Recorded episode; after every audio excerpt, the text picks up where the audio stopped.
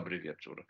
E, zapraszam do kolejnej audycji debaty azjatyckiej Uniwersytetu Łódzkiego. W dzisiejszym nagraniu będziemy mieli możliwość porozmawiania z dr Joanną Ciesielską-Klikowską, adiunktem w Katedrze Studiów Azjatyckich Wydziału Studiów Międzynarodowych i Politologicznych, współpracującą z Ośrodkiem Spraw Azjatyckich, stypendystką DAT, w Chemnitz, wykładowczynią w szkole letniej e, na Uniwersytecie w Saarbrücken, współpracującą z Uniwersytetem w Magdeburgu, prowadzącą tam zajęcia, członkinią Polskiego Towarzystwa Studiów Międzynarodowych i Towarzystwa Polska-Austria. E, doktor Ciesielska-Klikowska zajmuje się od dość długiego czasu już stosunkami naszego sąsiada, e, RFN, z Chińską Republiką Ludową i właśnie tym tematem dzisiaj się zajmiemy. Dzień dobry. Dzień dobry. Zacznijmy może trochę achronologicznie. E, nie będziemy rozmawiać o historii relacji, co zwykło się robić na początku rozmów, ale chciałbym zapytać o to, jakie miejsce Chiny, Chińska Republika Ludowa odgrywają w polityce obecnego niemieckiego rządu, E, dochodzą słuchy, że kanclerz e, Scholz, jeśli dobrze wymawiam nazwisko, proszę o poprawienie, e, Oczywiście, chce, mieć, dobrze. chce mieć wpływ na stosunki z Rosją bezpośrednio, tak gdzieś wyczytałem w internecie, a co z Chinami? I wreszcie jak koalicjanci zapatrują się na stosunki z Chińską Republiką Ludową, również w kontekście praw człowieka i czy gdzieś w tej przestrzeni niemieckiej widoczna jest spuścizna poprzedniej pani kanclerz, kanclerz Merkel. Rzeczywiście y, w grudniu 2021 roku nastąpiła zmiana władzy w Niemczech, to znaczy po 16 latach kanclerstwa z urzędu odeszła Angela Merkel. Na właśnie y, jej miejsce w fotelu szefa rządu zajął socjaldemokrata Olaf Scholz, który zresztą wcześniej pełnił funkcję ministra finansów w jej ostatnim gabinecie. I teraz analizując e, jego dotychczasowe posunięcia, można wnioskować, że Scholz będzie w istocie kontynuatorem linii nakreślonej przez Merkel. Sam e, wielokrotnie podkreślał, że właściwie to nie planuje takiej ostrej, systemowej rywalizacji z Chinami, ani wzmocnienia twardych instrumentów w niemieckiej polityce wobec tego państwa, realizując tym samym postulaty własnej partii, która także deklaruje, że w kontekście relacji z Chinami przede wszystkim skupia się na dyplomacji i dialogu. Co ciekawe, w ogóle Scholz jeszcze w kampanii wyborczej latem e, zeszłego roku wskazywał, że będzie opowiadał się za realizacją polityki odprężenia wprowadzonej przez jego wielkiego poprzednika, to znaczy Williego Brandta pod koniec lat 60. ubiegłego stulecia. Scholz argumentował, że właśnie potrzeba tak jakby powrócić do wytycznych polityki odprężenia z tamtych czasów, ponieważ jak twierdził, ten dzisiejszy świat wygląda bardzo podobnie do tego sprzed dekad. Więc możemy przypuszczać, że mm, dyplomacja tego socjaldemokratycznego kanclerza charakteryzować się będzie sporym pragmatyzmem, co oznacza, że problemy praw człowieka, y, Tajwanu, Tybetu, które często komplikują stosunki HRL z innymi krajami zachodnimi, tutaj nie będą odgrywać jakiejś bardzo znaczącej roli. Wynika to z dominującego przywiązania Berlina do takiego ekonomicznego charakteru tych relacji i wzajemnego uznania roli partnerów na świecie. Zresztą potwierdzeniem tych słów y, mogą być ustalenia, jakie poczyniono podczas pierwszej rozmowy telefonicznej, która odbyła się pomiędzy przewodniczącym Xi a kanclerzem Scholzem 21 grudnia.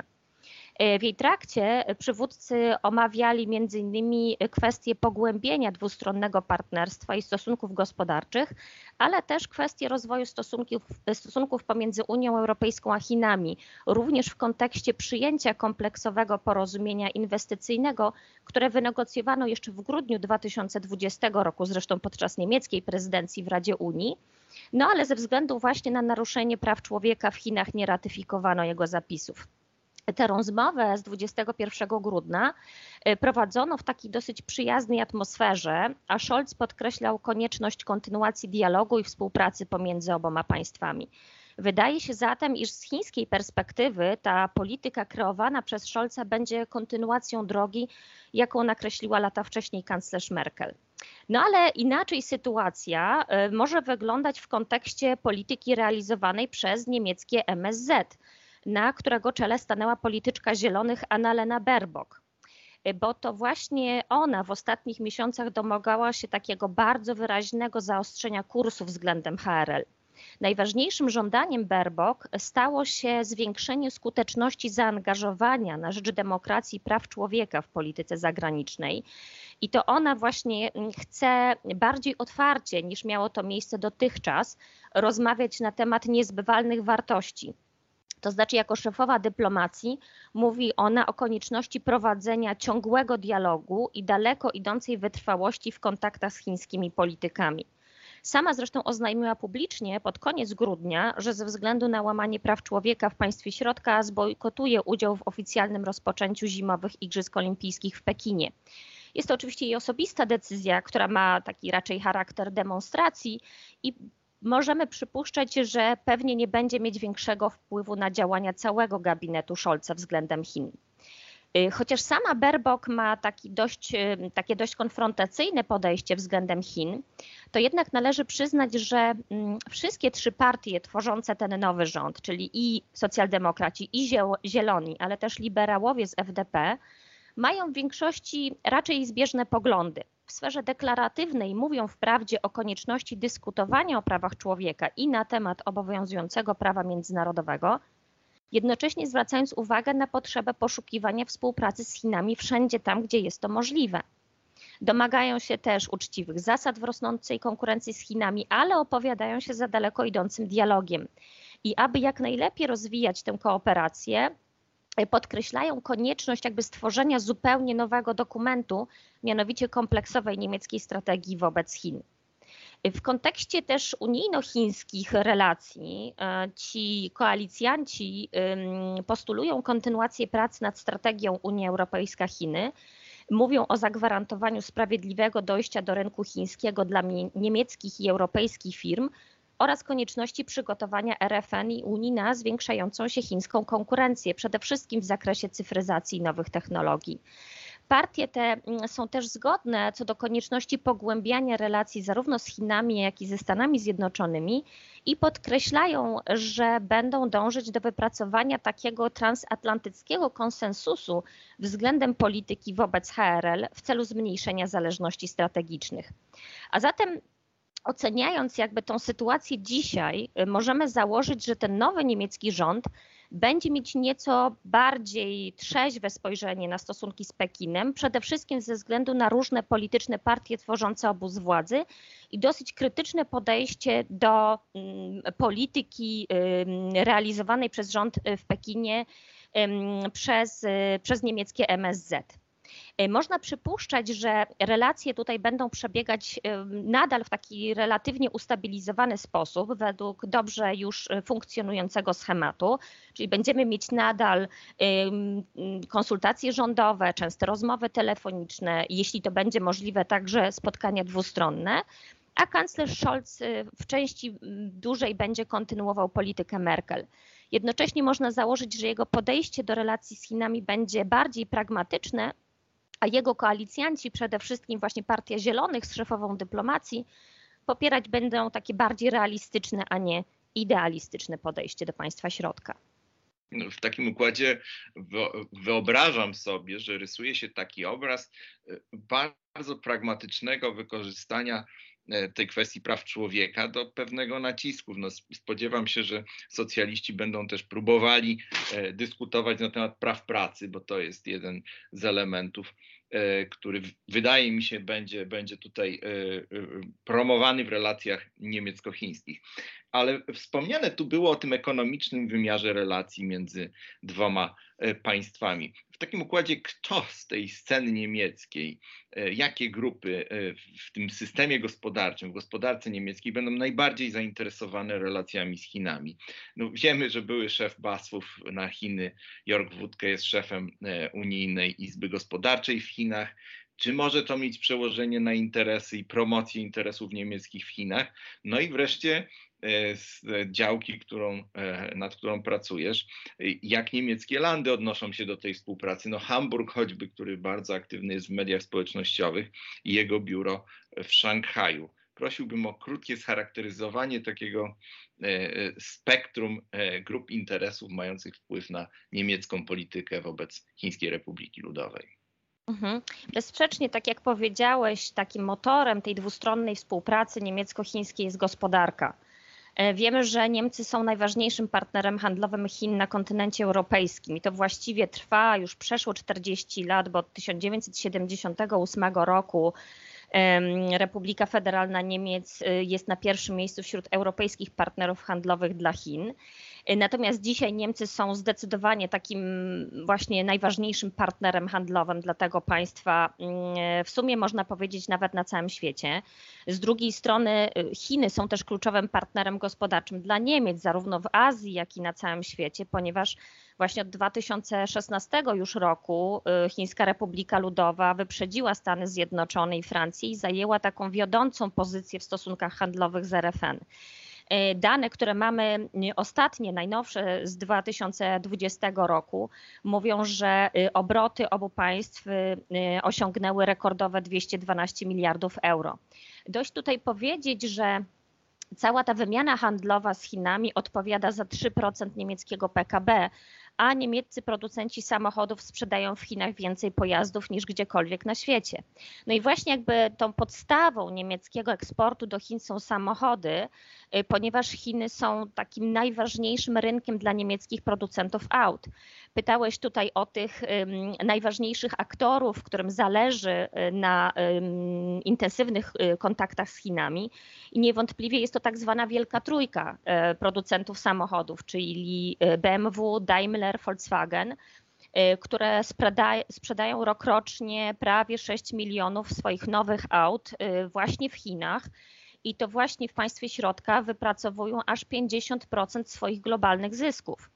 Sama grupa Volkswagena y, sprzedaje co roku w Chinach przeszło 4 miliony swoich pojazdów. Ale oczywiście HRL jest też najważniejszym rynkiem dla niemieckiego przemysłu inżynierii mechanicznej, bo oprócz samochodów Niemiecki eksport do państwa środka opiera się na maszynach, na reaktorach jądrowych, na kotłach, na sprzęcie elektrycznym. E, mm, to jest cały sektor również produktów farmaceutycznych czy, czy chemikaliów. Też w odwrotną stronę e, mamy partnerów, którzy są bardzo mocno zainteresowani importem towarów z państwa środka. Republika Federalna importuje z Chin przede wszystkim oczywiście sprzęt elektroniczny i maszyny, ale oczywiście też y, odzież, meble, sprzęt medyczny, techniczny, zabawki, obuwie. Trzeba też powiedzieć, że mm, obecnie w Chinach działa przeszło 5200 niemieckich firm. Natomiast w Niemczech aktywnie mm, funkcjonuje przeszło 900 chińskich przedsiębiorstw. Ta bardzo intensywna współpraca opiera się z jednej strony na dwustronnych umowach o współpracy, ale z drugiej strony też opiera się jakby na tych ramach stworzonych przez Unię Europejską, bo oprócz relacji dwustronnych, Berlin przez lata także bardzo aktywnie kształtował stosunki pomiędzy Unią Europejską a Chinami. Na przykład y, wspierał wysiłki Europejskiego Banku Inwestycyjnego w zakresie zapewnienia wsparcia technicznego dla Azjatyckiego Banku Inwestycji Strukturalnych. Ponadto sprzyjał pracom prowadzonym w ramach wewnętrznej grupy roboczej Europejskiej Służby Działań Zewnętrznych której celem było opracowywanie europejskiej wizji współpracy euroazjatyckiej. E, to także Berlin angażował się w projekty realizowane w ramach EU-China Connectivity Platform. E, z pewnością doświadczenia i kontakty wspomnianego przez ciebie Jörga Wódkę, który od przeszło 30 lat mieszka w Chinach, pracuje dla koncernu BASF, wcześniej dla ABB, Obecnie już trzecią kadencję sprawuje funkcję szefa Europejskiej Izby Gospodarczej w Chinach. Zresztą y, trzeba powiedzieć też, że był założycielem niemieckiej Izby Handlowej w Pekinie. A zatem te jego doświadczenia, te jego kontakty są bardzo ważną podstawą dla obustronnego dialogu. Niemcy mają bez wątpienia największe interesy y, w Chinach i z Chinami spośród wszystkich krajów członkowskich Unii Europejskiej. No i trudno się dziwić, y, że te ich doświadczenia y, są wykorzystywane także na poziomie europejskim. Oczywiście w tych relacjach istnieją liczne trudności. Głównie są one związane z wciąż nierównym dostępem do chińskiego rynku dla firm spoza e, Chin, także z przejęciami strategicznie ważnych niemieckich firm czy udziałów w nich. przez chińskie korporacje w ostatnich latach. Mówię tutaj przede wszystkim o firmie KUKA, ale także o Deutsche Banku, o Daimlerze ale nadal oba te kraje są dla siebie właśnie, jak mówiłam na mm, początku, kluczowymi partnerami w stosunkach gospodarczych. Niemcy i Chiny też e, współpracują ze sobą na szczeblu regionów i miast, o co pytałeś. E, obecnie istnieje przeszło 130 partnerstw pomiędzy miastami i regionami, to znaczy przeszło połowa niemieckich miast ma podpisane i aktywne umowy partnerskie z miastami w Chinach. I prawie wszystkie landy, to znaczy prócz Mecklenburgii i Pomorza Przedniego, prowadzą intensywną kooperację z chińskimi prowincjami. Następuje to także teraz, w trakcie trwania pandemii. Co też jest ciekawe, mm, połowa miast uważa tę współpracę za ważną lub nawet bardzo ważną. Generalnie mm, landy i miasta współpracują przede wszystkim na poziomie gospodarczym, to znaczy ułatwiając y, inwestycje w Chinach, w Niemczech, umożliwiając lepszą pozycję lokalnych firm działających w państwie przyjmującym, ale bardzo intensywnie też współpracują w sferze kultury i edukacji. I to zarówno na szczeblu szkół średnich, jak i na szczeblu szkół wyższych. Zresztą szkoły i ośrodki akademickie są postrzegane jako najważniejsi lokalni partnerzy dla współpracy niemiecko-chińskiej. Aktualnie podpisanych jest przeszło tysiąc partnerstw kooperacyjnych pomiędzy uczelniami i ośrodkami badawczymi. A zatem na tym szczeblu gospodarczym i społecznym dzieje się naprawdę dużo, a rząd w Berlinie i władze lokalne przez lata aktywnie działały, żeby wykorzystać to chińsko-niemieckie zbliżenie, no i też oczywiście animować relacje na wielu szczeblach i na wielu płaszczyznach. No z pewnością e, takie podejście wielopłaszczyznowe jest bardzo widoczne w tych relacjach e, e, Berlina z Pekinem. Natomiast wydaje się, że pewne elementy no, będą jednak bardziej eksponowane. To, o czym mówiliśmy na początku, kwestia praw człowieka. Chciałbym teraz przejść do, do tego, czy możliwa jest koordynacja na poziomie unijnym, no bo wiemy, że, że, że gracze mają swoje interesy, co jest oczywiście dość naturalne. Czy w dobie prezydencji francuskiej, w tym tandemie Paryż-Berlin, gdzie słyszymy co chwila, że są różnego typu zgrzyty, jest możliwa koordynacja i czy prawa człowieka, które no wydaje się, że są istotnym elementem normatywnym w unijnej polityce globalnej, będą na agendzie e, Unia Europejska-Chiny. No i tutaj dochodzimy do kolejnego elementu, który oprócz praw człowieka w kontekście ostatnich napięć między Litwą e, no będzie również eksponowany, ponieważ zaangażowanie niemieckiego biznesu na Litwie i globalne łańcuchy dostaw no mogą być w pewnym sensie zakładnikiem polityki e, Chińskiej Republiki Ludowej wobec Tajwanu. Jak widzisz te kwestie w nadchodzących miesiącach? Mhm. No niewątpliwie tutaj ten duet francusko-niemiecki przez lata był takim motorem napędowym Unii Europejskiej.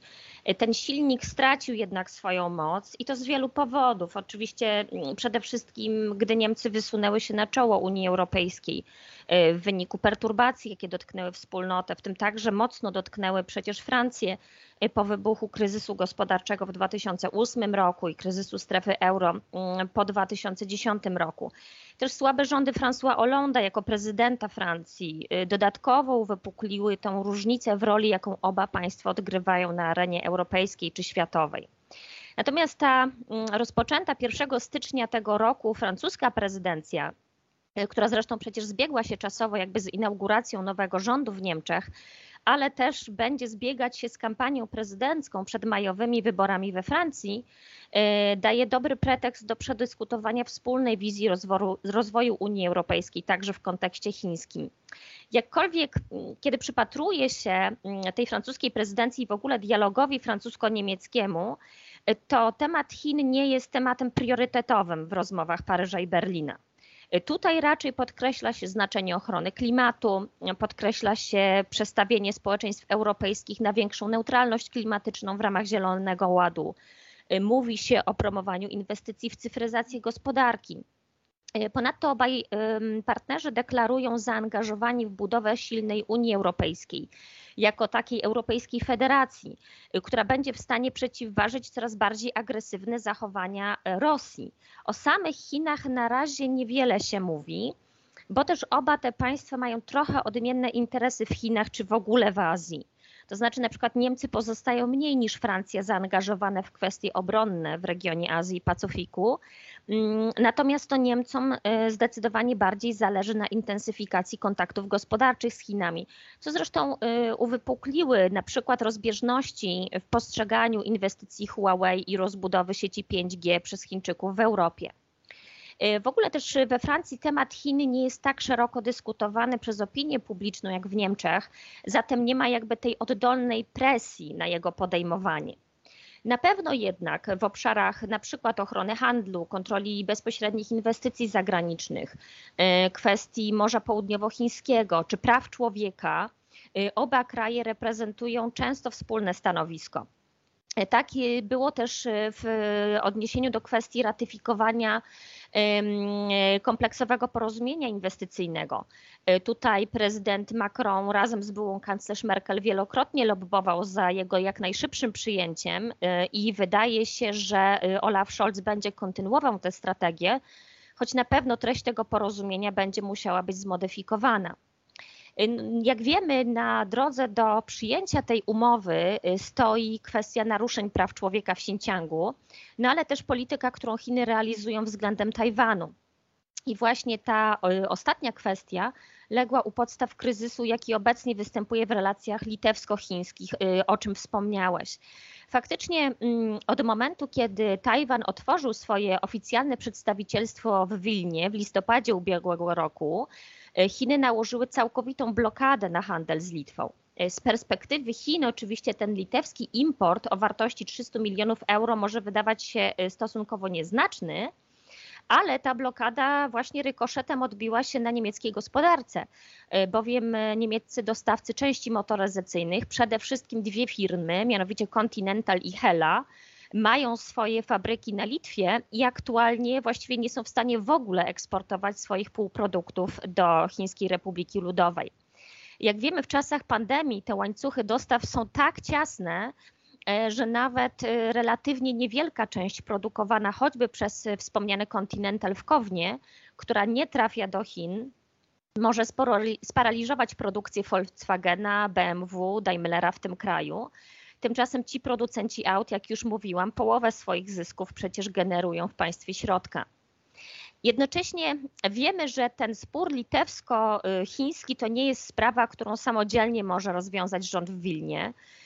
Jak wiadomo, w Unii Europejskiej za politykę handlową odpowiada Komisja i wiceprzewodniczący Komisji Waldis Dombrovskis mówił wyraźnie, że Unia jest gotowa do obrony państw członkowskich przed naciskami lub możliwymi sankcjami. Komisja zresztą y, jest w ścisłym kontakcie z rządem Litwy i przedstawicielstwem Unii Europejskiej w Pekinie, ale oczywiście w rozwiązanie tej sprawy bardzo mocno także mm, e, angażuje się Światowa Organizacja Handlu, której przecież i Litwa i Chiny są członkami. Sam rząd w Berlinie na razie nie podejmował y, jakichś bardziej takich intensywnych kroków w wyjaśnienie tej sprawy ale wiemy, że na Litwę ma udać się Franciska Brandner, e, parlamentarna sekretarz stanu w Federalnym Ministerstwie Gospodarki i Ochrony Klimatu. Rękę na pulsie w tej sprawie trzyma też bardzo mocno niemiecko-bałtycka Izba Gospodarcza, która właściwie od połowy grudnia e, prowadzi rozmowy z poszkodowanymi firmami. E, Niemcy też mają taką nadzieję, że strona chińska dostrzeże, że w dłuższej perspektywie ta eskalacja konfliktu będzie dewastująca także dla Chin, E, pisało zresztą o tym w swojej analizie Federalne Stowarzyszenie Przemysłu Niemieckiego, które reprezentuje interesy przeszło 100 tysięcy, 100 tysięcy niemieckich przedsiębiorstw na całym świecie. A więc można założyć, że stronie niemieckiej bardzo zależy na jak najszybszym za, y, za, załatwieniu tej sprawy właśnie. To bardzo ciekawe, bo samorząd gospodarczy, o którym wspominasz, E, może odgrywać najbardziej istotną rolę, a po drugiej stronie w Chińskiej Republice Ludowej, jak wiemy, takiego samorządu gospodarczego relatywnie mhm, mhm. niepowiązanego e, z e, rządem raczej być nie może. To jeden wymiar, ten gospodarczy i kwestie koordynacji unijnej polityki gospodarczej wobec Chin na przykładzie case'u litewsko-niemieckiego. Natomiast w samych Niemczech też mamy przecież bardzo silne oddziaływanie chińskiej miękkiej siły. Soft power chińska jest e, dość, dość e, szerokim strumieniem lejąca się I chciałbym zapytać już pod koniec tego naszego spotkania dzisiejszego o kontrowersję wokół promocji książki biografii przewodniczącego HRL, autorstwa dwóch dziennikarzy, Stefana Austa i Adriana Geigesa. Xi Jinping, najpotężniejszy człowiek na świecie. Jakie znaczenie dla chińskiej miękkiej siły i percepcji Chińskiej Republiki Ludowej w Niemczech ma właśnie y, ta sytuacja z promowaniem tej biografii? Generalnie trzeba powiedzieć, że dzisiejsi Niemcy właściwie nie tryskają tą tak zwaną chińską euforią, jaka miała miejsce jeszcze kilkanaście lat temu. E, przede wszystkim tutaj bardzo dużo się zmieniło w świadomości społecznej. To znaczy, kiedyś państwo środka postrzegane było jako takie egzotyczne, bardzo ciekawe, tajemnicze imperium z przebogatą historią, kulturą i kuchnią. Natomiast dzisiaj ten wizerunek takiego łagodnego, orientalnego mocarstwa uległ znacznej transformacji. Naturalnie dużo w tym względzie zmieniła agresywna polityka chińskich firm, które w, deka w ostatniej dekadzie niemalże hurtowo zaczęły wykupywać niemieckie przedsiębiorstwa. Początkowo zresztą uważano to za zdrowe urozmaicenie dla gospodarki, ale gdy w 2016 roku chińskie koncerny przejęły lidera e, w dziedzinie robotyki, to znaczy niemiecką firmę KUKA, ale też wykupiły akcje spółki przemysłu maszynowego Kraus Maffei, no to wtedy stało się jasne, że Chińczycy prowadzą bardzo taką ostrą grę inwestycyjną. E, wywołało to zresztą bardzo szeroką dyskusję, e, zarówno w niemieckich kręgach politycznych, jak i gospodarczych i społecznych, o potrzebie wypracowania takiej nowej polityki chińskiej, e, czyli takiej polityki, która nie ograniczałaby współpracy gospodarczej, ale też nadawałaby jej konkretne ramy, zgodnie z zasadami wolnego rynku, to znaczy oparte na wolnej konkurencji, w odniesieniu do prawa, do poszanowania własności prywatnej które obowiązują w Niemczech i we wspólnocie europejskiej. To znalazło zresztą swój wydźwięk w dokumencie przygotowanym przez wspomniane Federalne Stowarzyszenie Przemysłu Niemieckiego w 2019 roku, w którym to bardzo wyraźnie podkreślono potrzebę takiego nowego, realistycznego podejścia niemieckiego biznesu do chińskiej aktywności inwestycyjnej. Wtedy to argumentowano, że chiński rynek pozostaje dla niemieckich firm trudny, ale też czas, żeby strona niemiecka stała się bardziej wymagająca, a mniej naiwna. Ta sytuacja z 2016 roku zmieniła właśnie postrzeganie państwa środka przez Niemców, podobnie jak następujące potem pandemia, y, wydarzenia w Hongkongu czy w Xinjiangu. Widać to wyraźnie w prowadzonych cyklicznie badaniach opinii publicznej, które wskazują, że niemieckie społeczeństwo jest obecnie dużo bardziej krytycznie nastawione do chińskich inwestycji i do zwiększającej się chińskiej sharp power. Nie ma to wpływu na kontakty międzyludzkie wprawdzie, bo te pozostają jakby nadal bardzo serdeczne i otwarte. No, nic dziwnego, Chińczycy stanowią potężną grupę turystów, którzy corocznie odwiedzają RFN.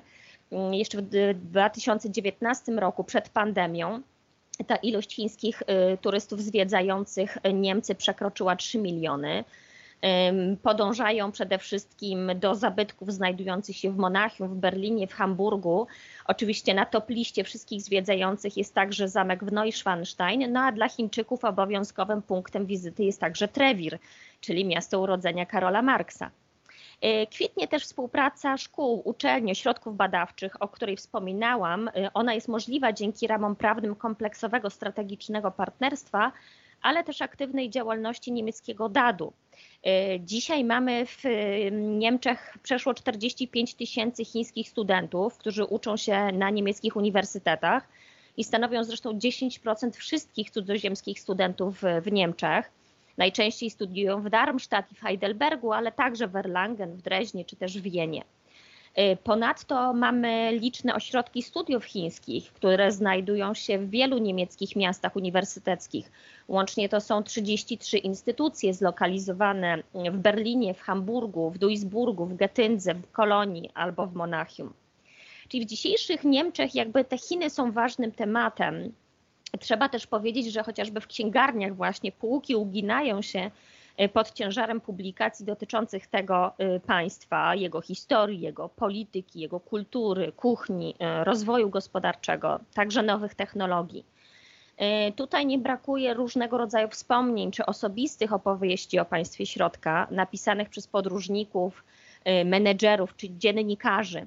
No i właśnie w tym kontekście bardzo interesująca jest wspomniana przez Ciebie biografia Xi Jinpinga, pióra znanych dziennikarzy Stefana Austa i Adriana Geigesa. E, pierwszy z nich był e, przez lata redaktorem naczelnym e, bardzo znanego opiniotwórczego magazynu Der Spiegel, natomiast drugi był korespondentem niemieckich mediów w Chinach, a więc obaj ci dziennikarze mają naprawdę ogromną, rozległą wiedzę.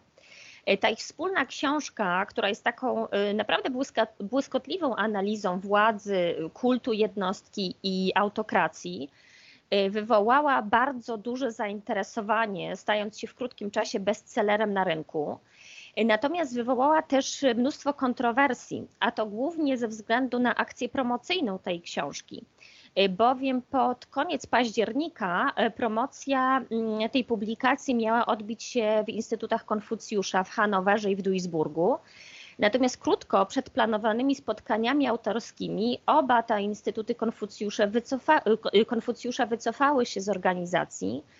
Mm, ostatecznie tutaj udało się na prędce zorganizować takie webinarium na Uniwersytecie Duisburg-Essen, ale ten ostry i niespodziewany sprzeciw przede wszystkim chińskich środowisk akademickich, bo bardzo mocno zaprotestowały uniwersytety w Wuhan i w Szanghaju, Y, ostro zaprotestował mm, konsulat chiński w Düsseldorfie, ale także zaprotestowała chińska ambasada y, w Berlinie. A więc ten ostry i niespodziewany właśnie sprzeciw wywołał bardzo szeroką debatę w Niemczech na temat y, programowania działań Instytutów Konfucjusza. One w RFN funkcjonują jako zarejestrowane stowarzyszenie i chociaż oczywiście chińska instytucja kulturalna Hanban sprawująca pieczę nad nauczaniem języka i kultury chińskiej na świecie zapewnia pieniądze, wykładowców czy materiały dydaktyczne dla słuchaczy, no to jednak działalność tych łącznie 19 instytutów Konfucjusza w Niemczech opiera się całkowicie na ścisłej współpracy z uczelniami wyższymi. I to wspomniane przeze mnie wydarzenie z odwołaniem promocji książki y, Stefana Austa i Adriana Geigesa odbiło się bardzo szerokim echem w świecie zarówno y, mm, kulturalnym i społecznym, ale także politycznym. Y, impuls tutaj do podjęcia zakrojonej dyskusji y, dała mm, wcześniejsza minister edukacji Ania Karliczek, która wezwała niemieckie uniwersytety do takiego bardziej krytycznego przyjrzenia się ich współpracy z instytucjami Konfucjusza. W liście do niemieckiej konferencji rektorów, ale też do konferencji ministrów edukacji i kultury poszczególnych niemieckich landów minister Karliczek opowiedziała się chociażby za wykorzystaniem bieżących wydarzeń jako takiej okazji do ponownej oceny roli Instytutów Konfucjusza w niemieckim krajobrazie szkolnictwa wyższego. Czyli jakby uznała, że te instytuty Konfucjusza stanowią jakby coś na kształt długiego ramienia Pekinu, które zmusza uczelnie do cenzurowania omawianych treści. Zatem podsumowując, ta książka Austa i Geigesa, chcąc nie chcąc, wywołała potężną dyskusję na temat chińskiej miękkiej siły, ale przede wszystkim roli, jaką w niemieckim życiu społecznym i edukacyjnym odgrywają instytuty Konfucjusza. Jednak pomimo y, pojawiających się kontrowersji, wydaje mi się, że one nadal pozostaną takimi bardzo ważnymi mostami łączącymi oba społeczeństwa, ułatwiając tą zmianę poprzez zbliżenie, na której tak zależy Niemcom to one właśnie, to znaczy Instytuty Konfucjusza, w dużym stopniu stanowią taki papierek lakmusowy dla podejmowanych tematów i to one też pomagają zdiagnozować kierunki, w których zmierza chińska narracja. To bardzo ciekawe, bo e, e, właśnie taki papierek lakmusowy przez pryzmat promocji książki, która pokazywała realia chińskie, a jednak e, instytuty Konfucjusza nie były zainteresowane w e, promocji, mimo że początkowo, tak jak wiemy, się na to zgodziły. Bardzo dziękuję za ten wyczerpujący materiał. Muszę powiedzieć, że przeszliśmy od ogółu do szczegółu i, i, i to bardzo cieszy. Duża dawka wiedzy e, w ramach debat azjatyckich finansowanych z Ministerstwa Edukacji i Nauki przy wsparciu Fundacji Puławskiego i Radia Łódź. Bardzo Ci dziękuję za dzisiejszą audycję. Ja również bardzo dziękuję za spotkanie i do usłyszenia w następnych audycjach Debaty Azjatyckie Uniwersytetu Łódzkiego. Dziękuję bardzo. Dziękuję, do usłyszenia.